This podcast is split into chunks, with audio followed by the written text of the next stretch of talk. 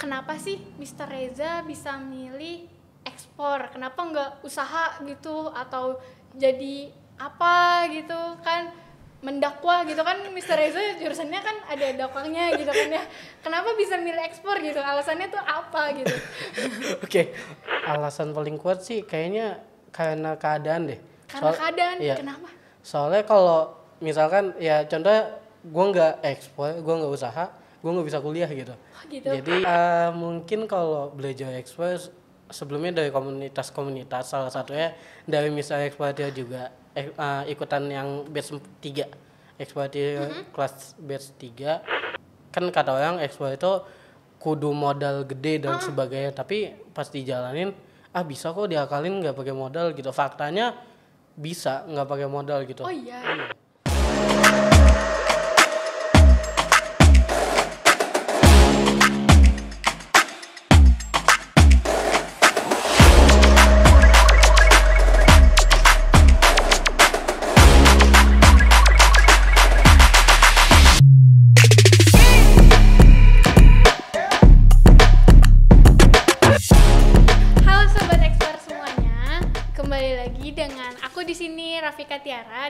tim ekspor. Nah kali ini kita bakal ngomongin tentang eh, tentunya pembahasan-pembahasan yang menarik kali ini. Nah eh, di sini di udah ada tamu aku yang sangat-sangat spesial. Halo, halo oke Mr. Reza boleh perkenalkan diri silakan. Oke, boleh banget. Oh ya, sebelumnya kenalin nama saya Reza Syamsul Oke. dari Cibinong kalau tinggal di Bogor dan saat ini masih kuliah di UIN Sunan Gunung Jati Bandung. Kalau jurusan nggak nyambung banget sih sama Oh ekspor. nggak nyambung banget apa tuh? Jurusannya pengembangan masyarakat Islam ke Pengembangan ekspor. masyarakat Islam tapi ke ekspor Ya, tuh guys. dan fakultasnya ah, mohon maaf Fakultas Dakwah dan Komunikasi. dakwah dan komunikasi oke oke Oke. sangat nggak nyambung sama ekspor nah oleh karena itu pembahasan kali itu sangat menarik banget guys kalau boleh tahu nama panggilannya siapa Reza. Reza oke aku bisa panggil Mr. Reza aja ya Oke, boleh. Oke oke. Nah kita ngobrol-ngobrol santai aja kali ini uh, bakal ngebahas tentang uh, tentunya ekspor dan uh, aku udah baca-baca nih sebelumnya background Mr. Reza katanya Mr. Reza tuh udah pernah ekspor ke negara Australia dan juga rencananya mau ekspor ke negara Pakistan bener ya? Yap, betul Nah, banget. Oke, nah aku kepo banget nih gimana perjalanannya boleh ya kita ngobrol-ngobrol sedikit sharing? Boleh. Boleh. Oke, sobat ekspor semuanya. Nah, ini aku udah uh, ngerangkum beberapa pertanyaan dari tim media. Untuk pertanyaan pertama, aku nggak apa-apa ya sambil lihat nggak apa-apa ya. Oke oke. Pertama nih, uh, gimana sih? Uh, uh, sorry, pertanyaannya alasan tertarik untuk ekspor ke luar negeri. Gimana tuh? Untuk alasannya gimana bisa ekspor? Alasan paling kuat sih kayaknya karena keadaan deh. Karena Soal- keadaan, iya. kenapa? Soalnya kalau misalkan ya contohnya gue nggak ekspor, gue nggak usaha, gue nggak bisa kuliah gitu. Oh gitu. Jadi eh, satu-satunya jalan itu buka usaha. Nah akhirnya setelah dari mungkin sebelumnya eh, saya itu seorang website development, tapi Oh, oke, oke. akhirnya nyemplung ke ekspor Dari dan ke ya akhirnya sampai sekarang ekspor.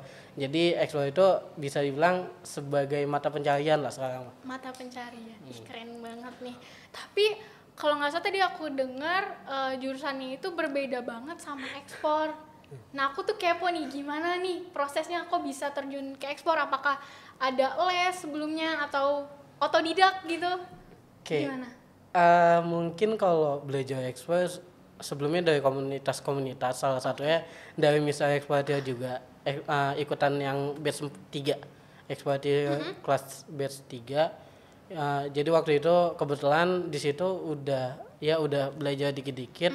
Nah pas di materi keempat itu kebetulan lagi nego sama bayar jadi materi keempat itu benar-benar langsung dipraktekin dan ya negosiasi dari situ seminggu kemudian alhamdulillahnya closing alhamdulillah dari ekspor kelas batch Tiga, 3 ya. oke Eh, gratis kan gratis Gratis. Oke, berarti jangan lupa guys, daftar di export class batch selanjutnya. Pantengin uh, YouTube dan Instagram kita, oke? Oke. Nah, nih selanjutnya pertanyaannya gimana sih cara mencari buyer sama supplier? Nggak mungkin dong kita ekspor nggak ada bayarnya dong. Pasti ada bayarnya. Ya. Nah, aku pengen tahu nih gimana cara cari supplier sama bayarnya. Dan apalagi tadi Mr. Reza juga bilang kan pas banget dari eh, materi keempat tapi udah closingan sama bayar lagi sambilan gitu. Nah, itu Ah. gimana caranya gitu? Dapat bayarnya dari mana? Suppliernya juga dari mana? Oke, eh, jadi kebetulan waktu materi keempat itu eh, website belum ada, ko- company profile itu pas ditanya sama buyer baru bikin. Jadi setengah jam ditanya baru di- dibikin. Nah itu nyari buyer itu lewat sebenarnya lewat Google. Nah mungkin ini otak-otaknya agak traveling ya. Jadi jadi kita pakai VPN. Nah eh, tapi tolong jangan traveling gitu ke mana-mana jadi V- uh, VPN-nya di sini kan nggak mungkin gitu pencarian Google cuma ada di Indonesia doang akhirnya carilah ke negara tujuan yang pengen diekspor. Entah kenapa pengen milih batok kelapa soalnya spesifikasinya ya atau produk knowledge-nya lah. Itu nggak terlalu susah nggak kayak contohnya kayak kokopit dan sebagainya gitu. jadi yang simpel-simpel aja pas itu. Dan akhirnya nemu website yang supply ayam batok atau kalkol gitu akhirnya nyoba nanya eh Mister mau nggak disuplai bahan bakunya atau bahan utamanya buat pembuatannya? Akhirnya dia lanjut ke WhatsApp langsung. Oke oke, ih sangat menarik banget. Nah, tapi kalau boleh aku tahu, ada nggak sih spesifik websitenya bayarnya tuh dari mana gitu? Oke, eh, sebenarnya kalau spesifik website itu nggak ada sih, tapi kalau data-data pengimpor itu ada di tratemap.org apa dot. Nah, nah, di situ kita lihat data paling banyak pengimpor batok kelapa itu mana. Nah, langsung kita pindahin ke Google dan di situ kan ada setting eh, kita setting dikit buat telusurannya negara mana. Misalkan di Australia contoh kemarin. Jadi eh, di situ di Google ya kita ketik toko penjual ayam batok atau eh, pengimpor batok kelapa di Australia. Kalau enggak kita sebutin spesifik kotanya mana gitu. Sumpah sangat menarik banget dan ini bener out of the box guys, sangat-sangat traveling. Jadi kalau boleh aku rangkum nih ya sedikit, kalau misalnya ada salah boleh dikoreksi ya. Nah, Mr. Reza ini cara cari bayarnya itu pertama dia itu uh, masuk ke website yang namanya TradeMap. Nah, dari TradeMap itu kan ketahuan tuh ya negara pengimpor untuk komoditinya tadi coconut shell ya Iya. atau uh, batok kelapa yang udah dipecah. Nah, dilihat tuh pengimpor terbesarnya ke mana, terus Mr. Reza eh, pilihnya ke Australia. Dan setelah itu dia masuk ke Google, nyari toko mana yang jual eh, coconut shell ini, dan ketemu. Ya. Dan tiba-tiba closing. Alhamdulillah. keren banget, keren banget. Berarti untuk komoditas yang diekspor tuh coconut shell sama tadi yang sedang berjalan, kita sempat ngobrol tuh apa lidi ya? sawit. Lidi sawit. Oke, oke.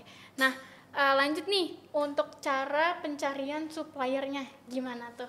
Eh, sebenarnya kalau buat nyari supplier ngandelin ke teman-teman yang di anak kalau bahasa anak Depok mungkin anak kampung sini ya akamsi gitu. Anak apa sih? Jadi kita ngandelin yang pribumi sana dan Mm-hmm. minta tolong nih lagi butuh ini. Kebetulan kan mungkin bisa bilang ekspor itu udah merajalela ya, udah kayak eh, mohon maaf boleh nyebut omikron gak sih atau covid gitu udah merajalela kan kayak covid. Nah jadi udah makin gampang aja buat nemuin supplier walaupun udah tangan keberapa gitu, tapi masih bisa sih di eh, dia diakalin atau di misalkan dia dipotong gitu jalurnya. Oke. Berarti emang dari komunitas gitu atau ada grup-grupnya? lebih ke komunitas sih dan Komunitas. uh, dan kebetulan kan mungkin uh, Misa Vika sendiri pernah ngalamin ya yang ujian masuk tuh ujian masuk ke uh, ke perguruan tinggi ada grup ya kan nah di situ teman-teman di situ kan banyak anak daerah jadi dikontekin lah dari situ Uh, Berarti emang kenalan lah ya Iya. komunitas komunitas. Nah gitu guys. Jadi untuk cara cari suppliernya, Mr. Reza ini sangat inisiatif banget dia nanya-nanya ke komunitas, ke anak akamsi yang di Depok ya. Mr. Reza asli Depok kan ya? enggak di Cibinong Oh asli Cibinong. Eh Ah. tinggalnya di Cibinong. tinggalnya di Cibinong kalau orang tua Jawa Sunda Jawa Sunda. Oke oke. Ya berarti kenalan-kenalan lah ya. Oke oke. Nah, mm, selanjutnya ini kenapa sih Mr. Reza bisa milih ekspor? Kenapa nggak usaha gitu atau jadi apa gitu kan mendakwah gitu kan Mr. Reza jurusannya kan ada dakwahnya gitu kan ya. Kenapa bisa milih ekspor gitu? Alasannya tuh apa gitu? Oke. Ya Eh, boleh ketawa dulu gak sebenarnya? Boleh, boleh, silakan. Oke. Nih, kalau gimana ya? Iya sih jurusan saya pengembangan masyarakat Islam, fakultasnya dakwah. Ah, ah, Takutnya kalau saya dakwah nanti jamaahnya pada sesat gitu.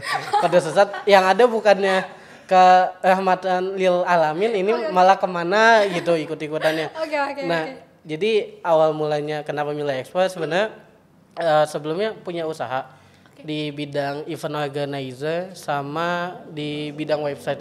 Jadi bikin eh, bikin jasa pembuatan website sama IO dan online course gitu masih jalan alhamdulillah sampai sekarang. Nah, tapi entah kenapa waktu 2021 itu ini kok orderan sepi pada ke mana gitu? Apa dimakan covid? Apa di kemanain? gitu. Nah akhirnya ada beberapa yang lewat FYP di TikTok Oh, ekspor nah ya udahlah nyemplung ke situ. Dan kan kata orang ekspor itu kudu modal gede dan sebagainya. Tapi pas dijalanin ah bisa kok diakalin nggak pakai modal? gitu. Faktanya bisa nggak pakai modal gitu. Oh iya? iya keren banget. Iya nih, kan banyak banget sobat ekspor tuh kalau aku lihat di komen-komen kayak eh, kayaknya kalau untuk ekspor tuh harus ada modal besar deh. Apakah kita harus cari investor atau enggak? Nah, aku kepo juga. Apa jangan-jangan Mr. Reza tuh keturunan konglomerat gitu kan ya? Atau dia punya rumah production kan kita nggak tahu. Makanya aku pengen nanya nih, untuk ekspor tuh sebenarnya sesulit itu nggak sih? Modalnya tuh seberapa besar gitu? Ini sharing-sharing aja gitu. Gimana tuh? Untuk modal awalnya gimana? Ada tips and tricksnya nggak nih? Biar sobat ekspor tahu. sebenarnya kalau bisnis kalau patokannya ah gue nggak punya modal gitu sampai kapan pun kayaknya nggak bakalan jalan dah soalnya ya contoh deh soalnya banyak di pasar kan ya kuli panggul dia modal dengkul juga bisa makan kan nah kalau kita balik lagi ke modal ya kapan jalannya gitu soalnya eh, jujur miss eh, saya bukan dari keluarga kaya atau berada gitu. Eh, pekerjaan ayah saya itu gue honor. Eh, mungkin kalau mau tahu gue honor bukan gaji gede tapi ini digaji tiga bulan sekali. Dan ya kalau alasannya nggak punya modal ya kapan jalan gitu. Dan ini ya contoh bahasa kasarnya ini kontrakan gue harus bayar gitu. Kalau nggak ada duit gue diusir. Jadi ya istilahnya kalau usaha kayak gitu mendingan ya jalanin dulu aja gitu. Jangan dikit-dikit modal dikit-dikit modal. Sebenarnya mm, waktu awal ekspor juga nggak punya PT nggak punya website nggak punya apalagi PT ya itu mahal mahalnya minta ampun ya. 8 jutaan bikin PT udah gitu mo- apa uh, modal yang diendepin kalau nggak salah 100 juta 50 juta. Mana ada duit segitu ya udah akhirnya kan bisa tuh minjem dulu. Gitu Keren banget, keren banget sumpah. Berarti ya modalnya nol guys awalnya. Yang penting tapi niat dan usaha sih ya. Dan tekadnya sih yang besar. Oke. Oke, lanjut lanjut. Nah, eh di sini tuh ada yang tanya lagi sejak kapan Mr. Reza tuh ekspor barang? ekspor barang keluar ya Iya, keluar. Iya, iya sih ekspor keluar. Eh, dari kapan mulai pertama kali ya? Iya. Itu pas di ekspor dia kelas base 3 sih pertama kali. 2021 ya. Iya. Eh, baru banget ya. Tapi udah closing loh, keren banget. Jarang loh ini yang seperti ini. Oke, oke.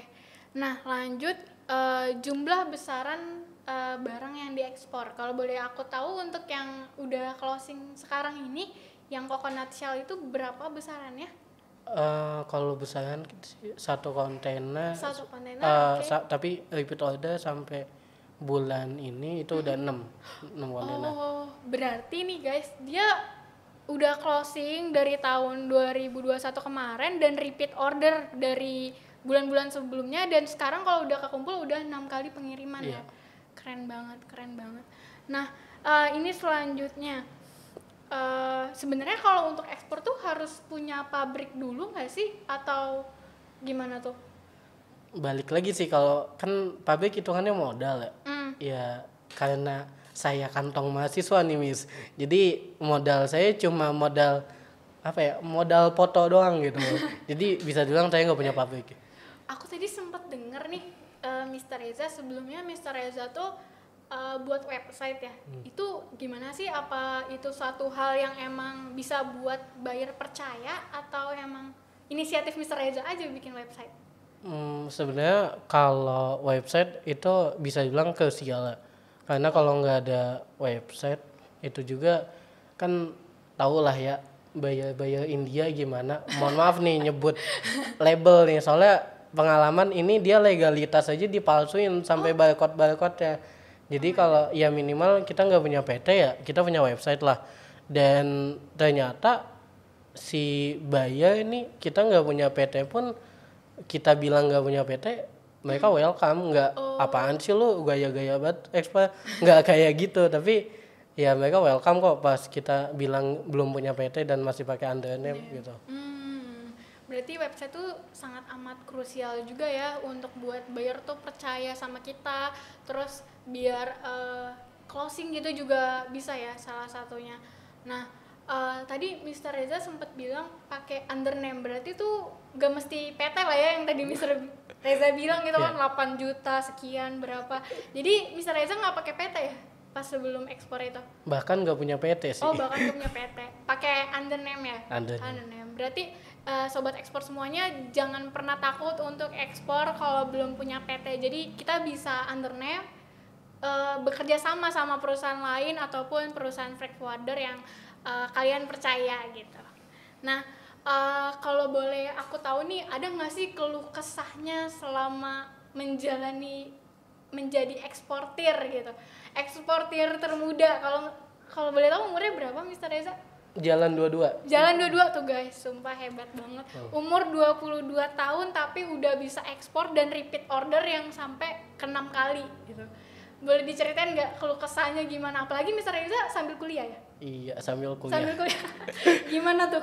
Apa nggak kecampur otaknya? Ada tentang dakwahnya atau apa gitu kan sambil ekspor? Hmm, alhamdulillah sih nggak kecampur gitu. Jadi kalau ada buyer nggak didakwahin nggak kayak gitu. Beda. jadi eh, keluh kesahnya paling waktu awal eh, nggak diizinin sih sama orang tua. Soalnya kan backgroundnya bukan pengusaha ya. Karena backgroundnya guru dan bisa bilang pekerja lah. Kalau eh, mungkin dibilang pejuang 45 Oh, datang jam 4 pulang jam 5 ya, kayak gitu. Jadi ya keluh kesahnya di bisa bilang backgroundnya bukan dari pengusaha dan ngapain sih eh, jualan kayak gini-gini. Tapi ya alhamdulillah mul eh, sekarang-sekarang udah mulai nerima mungkin karena udah ada hasil ya gitu. Dan sebenarnya ada sih eh, kalau bikin belajar banget dari ekspor jadi kalau lagi proses ya udahlah mendingan nggak usah nunjukin ke siapa-siapa gitu. Soalnya kan nggak ada yang tahu nih tukang gibah di mana-mana emak-emak gitu di mana-mana. Jadi jadi kita nggak tahu mendingan ya udah kita simpen aja dan barulah kalau udah ada hasil ya show off ya boleh lah. Tapi jangan sa- amat sombong ya sombongnya simpen aja show off ya boleh. Oke oke, berarti ya sangat amat eh, ya meresahkan lah ya Mak Mak Juli tuh. Jadi ya udah kita usaha aja di belakang, nanti hasilnya nunggu setelahnya ya sekarang lihat sekarang. Oke. Nah tapi kalau boleh aku tahu kan kalau di luar negeri jam di Indonesia kan berbeda tuh. Kayak ada yang di sini siang, di sana malam. Itu settingan sama bayarnya tuh gimana sih? ada sih kadang-kadang jadi dia kan di sana pagi kita di sana malam udah kayak tahajud aja gitu bangun pagi-pagi tapi disempetin ya udahlah bangun kadang-kadang uh, kita cetan tapi dia masih malam ya kita wajarin bukan berarti dia ngambek kayak atau marah gitu emang waktunya siang eh, atau waktunya beda gitu tapi itu uh, kita ya harus nyempetin lah waktu-waktu lumayan kan nambah pahala juga tuh tahajud Tapi kalau boleh aku tahu, Mr. Reza tuh passionnya emang di ekspor atau emang awalnya iseng aja gitu. Sebelumnya Mr. Reza tuh sempat bilang lihat ekspor tuh dari FYP TikTok kan. Ya. Nah itu emang oh gue harus ekspor nih atau sebelumnya ada passion aku harus ekspor aku harus ekspor atau emang kebetulan aja. waktu dulu emang pengen sempet uh, mau jual barang ke luar negeri tapi nggak tahu caranya dan akhirnya ya bikin usaha yang macem-macem lah dan sa- sampai sekarang ya udah nemu di ekspor dan alhamdulillah sampai sekarang dijalanin gitu ya awalnya bisa dibilang kayak mungkin jangan dikasih efek tikus ya jadi awalnya coba-coba gitu jangan dikasih gitu awalnya beneran iseng tapi sampai sekarang diseriusin gitu Alhamdulillah. Berarti emang iseng-iseng tuh berhadiah guys, bermakna gitu kan sampai bisa ekspor kan keren banget. Selanjutnya aku pengen nanyain tentang dokumen atau sertifikasi. Kalau boleh tahu dan sobat ekspor juga pasti pengen tahu nih untuk sertifikasi dan dokumennya tuh kira-kira apa aja dan Mr. Reza tuh melengkapinya tuh gimana gitu prosesnya. Oke, eh, kalau buat dokumen sama sertifikat, kan katanya sertifikasinya susah-susah, tapi ternyata kalau kita punya, ya kalau kita deket sama forwarder, ya dibantu kok dan mungkin kalau ke Australia itu ada yang khusus ya, namanya bukan dokumen atau sertifikat, tapi lebih ke fumigasi. Fumigasi. Kalau nggak salah AFAS ya namanya fumigasi AFAS itu ya prosesnya makan waktu dan ya lumayan juga sih bikin bete kalau nggak ngadain fumigasi itu dan bisa-bisa ditolak gitu. Waktu itu kebetulan eh, temen soalnya ada yang ditolak gitu Oh, berarti karena nggak ada fumigasinya. Mm, mm, mm. lanjut lanjut. Nah Ada lagi udah gitu eh, waktu itu si buyer ya ditanya perlu COO nggak certificate of originnya? Kata dia kayaknya nggak usah deh. Ini kan baru first time baru pertama kali udah kayaknya nggak usah dong udah meragukan gitu kayaknya. Jangan ya jangan kayaknya apa yang pasti gitu. Soalnya nyesek gitu kalau udah nyampe tapi ini dianggurin gitu. Ya duit kan melayang gitu. benar benar benar benar. jadi akhirnya ditanya lagi eh, minta tolong ke bayar, tolong pastiin soalnya setahu saya itu wajib pakai COO lumayan kan nggak bayar pajak juga gitu. Hmm, benar benar benar. Berarti fumigasi sama COO. Akhirnya jadi atau enggak tuh pakai COO-nya? Jadi pakai. Sisanya umum lah ya. Ya, umum. Karantina tumbuhan juga. Iya. Oke oke. Nih kalau boleh aku rangkum sedikit, kalau salah mohon koreksi ya. kalau untuk dokumen sama sertifikasinya itu dokumen umum seperti biasa ada packing list invoice, terus ada karantina tumbuhan karena dia itu barangnya turunan tumbuhan, terus bill of lading dari pelayaran sama harus fumigasi. Nah fumigasinya itu dikarenakan takut eh, barangnya itu ada kutu atau hama. Nah, selanjutnya itu ada sertifikat of origin yang Mr. Reza udah sebutkan tadi. Dia itu berguna untuk pembebasan pajak di negara tujuan. Jadi sangat berguna banget kan ya kalau Iya. ada itu. Kalau nggak ada itu ya lumayan juga guys ya bayar pajak di negara tujuan bayarnya. Jadi ya mau nggak mau sih kayaknya mesti dilengkapin sih ya. Lumayan. Oke oke, sangat menarik. Nah, tapi kalau untuk pembuatan dokumennya siapa tuh yang ngelengkapin? Dari shipper Kayak kah, shipper. forwarder?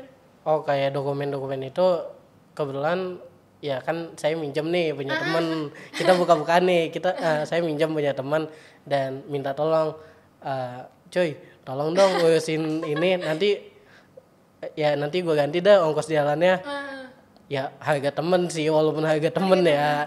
tapi alhamdulillah untungnya dapat temen yang baik gitu nggak dapat temen-temen yang temen doang gitu yang ada butuhnya baru datang.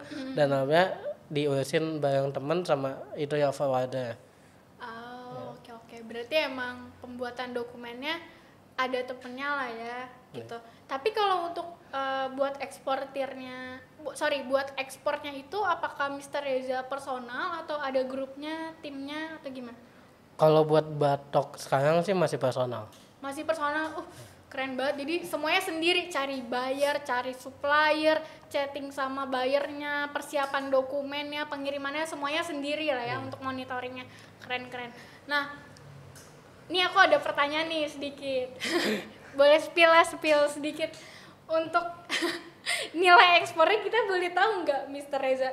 Kira-kira berapa untuk sekali shipment atau seluruh shipment bebas deh, Mr. Reza. Untuk total nilai ekspornya gimana tuh? Total nilai ekspor sih ya semoga nggak ada dirjen pajak ya gitu ditagi gitu sama pajak jadi eh, nilai ekspornya kena double digit lah kena seratusan Oh, seratus ke atas keren, keren, keren. Alhamdulillah, alhamdulillah. apalagi ini repeat dan mau yang ketujuh atau gimana tuh Mau ketujuh. mau yang ketujuh Iya. keren keren keren eh tapi eh, aku boleh tahu juga nggak sih untuk yang lidi sawit itu gimana prosesnya udah sampai mana Lidi sawit itu kita udah nemu supplier dan mungkin minggu depan DP. minggu depan DP Iya. alhamdulillah oke oke kayaknya eh, kebanyakan aku yang nanya gantian Mr. Reza ada pertanyaan nggak kira-kira ke aku N- nanya apa nih masalahnya bingung juga kalau ditanya balik gitu. kali gitu Mr. Reza ada pertanyaan kan bisa ditanya kalau nggak ada nggak apa-apa kita tutup sesi ekspor talk kali ini tapi sebelum tutup aku pengen ngerangkum dulu nih untuk pembicaraan kita kali ini karena sangat menarik. Aku pengen rangkum kalau misalnya ada salah mohon dikoreksi ya. Dari mulai perjalanan ekspor Mr. Reza itu komoditasnya coconut shell atau batok kelapa yang masih eh sorry yang udah pecah ya. Iya. Nah, itu tujuannya ke Australia dan untuk cara pencarian bayarnya eh, tadi Mr. Reza udah bilang dia dari Trade Map, terus traveling dari Google. Siapa sih toko eh, yang eh, mengimpor atau membeli si coconut shell ini dan kalau dari supplier itu Mr. Reza ambil dari kenalannya Mr. Reza sendiri ya dari Akamsi kan asalnya dari Cibinong mungkin dari sekitaran Depok kan kenalan-kenalan terus dapat ya suppliernya dan kalau untuk dokumen ekspornya Mr. Reza itu eh, punya temen juga sama mungkin sahabatnya ya kali ya kayak teman lah ya dibantu sama rekannya untuk pembuatan dokumen-dokumennya dan lain-lain. Dan terus uh, semuanya Mr. Reza ngelakuin sendiri. Iya bisa dibilang sendiri. dan untuk kalau keluh kesahnya udah pasti ada lah ya yang tadi udah disebutin kan. Sambil kuliah tapi udah bisa ekspor di umur 22 tahun ini ya. Gitu-gitu sangat menarik sih guys ceritanya. Nah terakhir nih kira-kira ada kata-kata motivasi gak untuk sobat ekspor semuanya? Dan juga aku gitu kan aku juga pengen kayak Mr. Reza gitu bisa ekspor kan siapa tahu aku bisa uh, bikin mamaku naik haji amin gitu ya guys semuanya amin nah Oke. gimana nih untuk motivasinya gitu siapa tahu bisa memotivasi aku juga Buat motivasi sebenarnya bukan Mario Teguh ya. Jadi kan kalau Mario Teguh tuh kayak rel aja gitu lancar. Tapi sebenarnya eh, ada apa ya? Mungkin ngambil dari Al-Qur'an ya. Oh ya ambil dari Al-Quran karena jurusannya ya Nah. nggak canda lanjut Jadi eh, bisa dibilang eh, yang pertama itu ada di surat Al-Baqarah 286. Nah, eh, jadi kalau ya mungkin Tuhan atau Allah nggak bakal ngasih kita ujian yang di atas kemampuan kita gitu. Jadi kalau ya berat banget atau lagi ya di bawah banget itu berarti bisa dibilang itu ada titik balik di satu ujian itu. Bisa aja mungkin habis ujian itu kita naik ke atas gitu. Atau bisa dibilang batu loncatan buat kita naik ke atas lagi atau naik ke atas gitu. Dan satu mungkin di- bisa dibilang bisa dibilang hadis uh, manusia yang paling bermanfaat itu adalah manusia yang sebaik-baiknya itu sih. Aku terharu banget loh guys. Keren banget jadi kalau misalnya aku ada cobaan aku harus sabar gitu ya kali aja buat batu loncatan aku biar jadi bisa lebih baik gitu ya ya sangat mengharukan ya Mr. Reza terima kasih loh untuk motivasinya gitu aku bakal ingat terus gitu siapa tahu aku bisa kayak Mr. Reza kan Oke oke oke. Oke sobat ekspor semuanya, terima kasih udah yang uh, mau nonton. Jangan lupa ya klik tombol subscribe-nya, jangan lupa komen dan like dan juga uh, follow Instagram kami dan juga TikTok di Mister Exporter. Oke guys, dan jangan lupa juga visit website kita di misterexporter.com jika ada uh, seputar pertanyaan lebih lanjut bisa ke kolom kontak us dan klik hotline bisa callingan sama aku atau enggak tim yang lain. Oke, dadah semuanya.